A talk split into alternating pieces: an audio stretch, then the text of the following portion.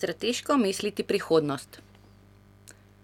Na letošnjem Blejskem strateškem forumu je bila Slovenija predstavljena kot unikum med državami.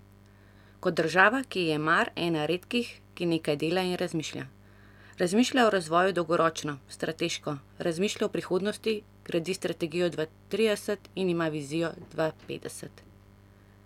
Ministrica za razvoj in kohezijsko politiko Alenka Smerkolj je bila zato tudi ena od gostov na razpravi z naslovom Realno upanje. Kako se transformacija zgodi hitreje, kot si mislimo. Na blejskem forumu je razpravljala skupaj s predstavnico Svetovnega sveta za energijo Angelo Wilkinson. Angela je strokovnjakinja strateškega napovedovanja, včasih pa je vodila nadgradnjo strateških zmožnosti predvidevanja OECD-ja. OECD vladi pomaga že pri nastajanju naše vizije dva petdeset, kjer je organizacija imela vlogo usmerjevalca debate in svetovalca pri oblikovanju dokumenta. No, saj smo jih za to plačali, dobili smo brezzvezen pofel. Navdušena moderatorka dogodkov na Bledu je začela z vprašanjem: "Kaj je tako pomembnega pri upanju? Brez upanja ne moremo iti naprej v prihodnost. Zgodba o prihodnosti ustvarja sedanjost. Ustvarja možnosti za delovanje v sedanjosti," je zaključila. In ima prav, zelo je pomembno, kako vidimo in razumemo prihodnost. Kako pripovedujemo zgodbo, ker s tem nas ta usmerja, kako ravnamo, se odločamo zdaj, danes za jutri. Pri razmišljanju o prihodnosti in razvojnih strategijah je najpomembneje, da znamo najti prave točke preloma. Ključne probleme, tudi predvideti krize, katerih nastanki se lahko kažejo že zdaj. Ključ uspešnega strateškega načrtovanja je napredno mišljenje. Marsikdo bi se strinjal, da bi bilo treba razmišljati z vidika, kako bomo obstali. In predvsem preživeli. Saj je očitno, da živimo v obdobju kriz vseh vrst.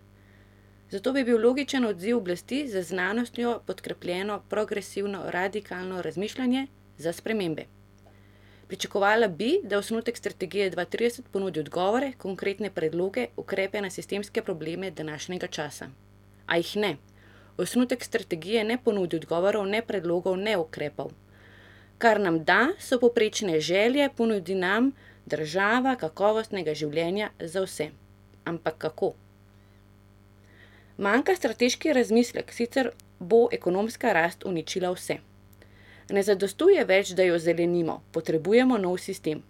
Zlom podnebja, izguba prsti, propad habitatov in vrst, morje iz plastike, pomor žuželk, čebel, vse posledica naraščajoče potrošnje. V osnutku strategije dva trideset je večanje potrošnje celo kazalec uspeha razvoja. Smešno. Slovenija je tudi ena redkih držav na svetu, katere mejna obrambna linija temelji na rezilni žici. Menda jo potrebujemo za boj proti terorizmu. Predvidevam, glede na to, da je zagotavljanje zaščite pred terorističnimi grožnjami ena od usmeritev za uresničitev cilja osnutka strategije.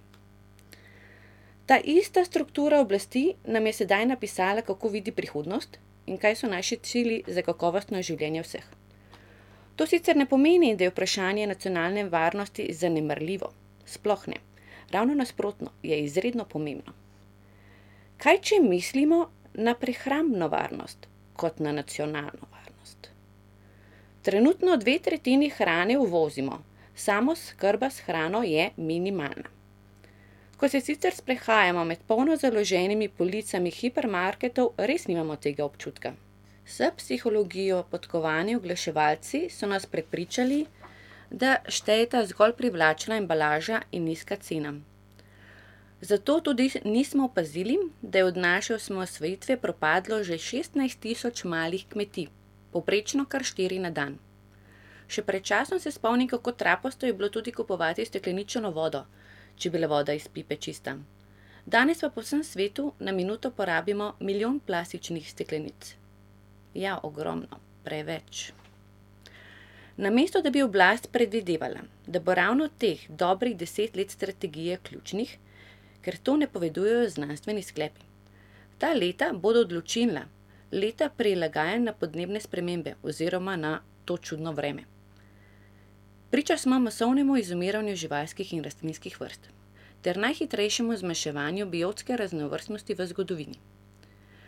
Različni raziskovalci, tudi iz londonskega zoološkega združenja, so izvedli do sedaj najbolj obsežno analizo in ugotovili, da je svet na dobri poti, da izgubi kar dve tretjini divjih živali do leta dva tisoč dvajset zaradi posledic krčenja in uničevanja habitata, divjega lova ter onesnaževanja.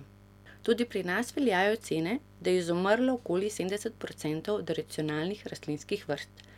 Sicer naj bi imeli še vedno dobro biotsko raznovrstnost, vendar kar je preživelo, moramo obdržati. Od strategije bi zato pričakovali razmišljanje, recimo, da se zavzema za zmanjšanje količine toksičnih substanc, ki se sproščajo v okolje, in učinkoviteje ravnanje s hranilnimi elementi, da zvišamo akumulacijo organskih snovi v prsti ter spodbujanje ekološkega kmetijstva, ki spoštuje vsako življenje, in podobno. Kmetijski minister Židan pa je ravnokar potrdil, da je Slovenija v Bruslju glasovala za uporabo glifosata za nadaljnjih pet let. Kljub temu da je v osnutku strategije dva trideset zapisano, da je za dosego cilja o upravljanju z naravnimi viri ključna usmeritev preprečevati čezmerno onesnaževanje vseh sestavin okolja in zdravje ljudi. A če bi bilo to glasovanje čez eno leto, ko bo strategija uradno sprejeta, bi minister glasoval drugače? Malo verjetno.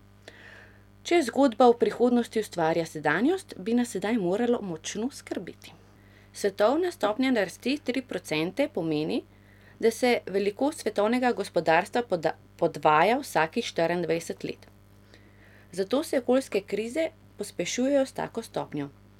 Ko je svetovna ekonomija rasla, je z njo rasel tudi pritisk na ekosisteme. Vsak en procent, ki je bil dodan svetovnemu BDP-ju v zadnjem stoletju, je v povprečju pomenil nula cela pet procenta emisij ogljikovega dioksida. To je formula za uničevanje vsega in vsakogar. Dejstvo je, da obljube zasebnega razkošja za vsakogar ni mogoče doseči, ker za to ne obstaja niti fizični niti ekološki prostor. Smo na točki preloma. Ker smo se dobesedno znašli pred možnostjo iztrebljanja človeške vrste, je zato toliko bolj nujno iskanje dolgoročnih in radikalno drugačnih razvojnih konceptov, ki nam bodo omogočili obstanek tudi po desetih letih, tudi po koncu strategije dva trideset. A oblast se obnaša izrazito dementno. Dokument osnutka strategije sicer prepoznava nevzdržnost razvojnega modela, v katerem se je nahajala Slovenija tik pred krizo dva tisoč osem. A ne navaja recimo dejstva, da se ta model ni nič spremenil in da se še vedno nahajamo v njem. Soočamo se s krizo civilizacije, konvergenco kriz, ki vse izvirajo iz kapitalistične družbe, ki je produktivistična in potrošniška. Katastrofe so se začele poglabljati z varčevalnimi ukrepi, ki si sledijo, in ekološkim zlomom, zmanjševanjem zalog surovin in vojno za nadzor nad zadnjimi rezervami le-teh. Obsedenost z rastjo nas je privedla do razmaha potrošništva in poblagovljenja, pri tem pa sta dolg in oglaševanje njuni orodji. Zadolžili smo se, da rastemo, in sedaj smo prisiljeni rasti, da bomo lahko odplačevali dolgove. To je naša logika razvoja.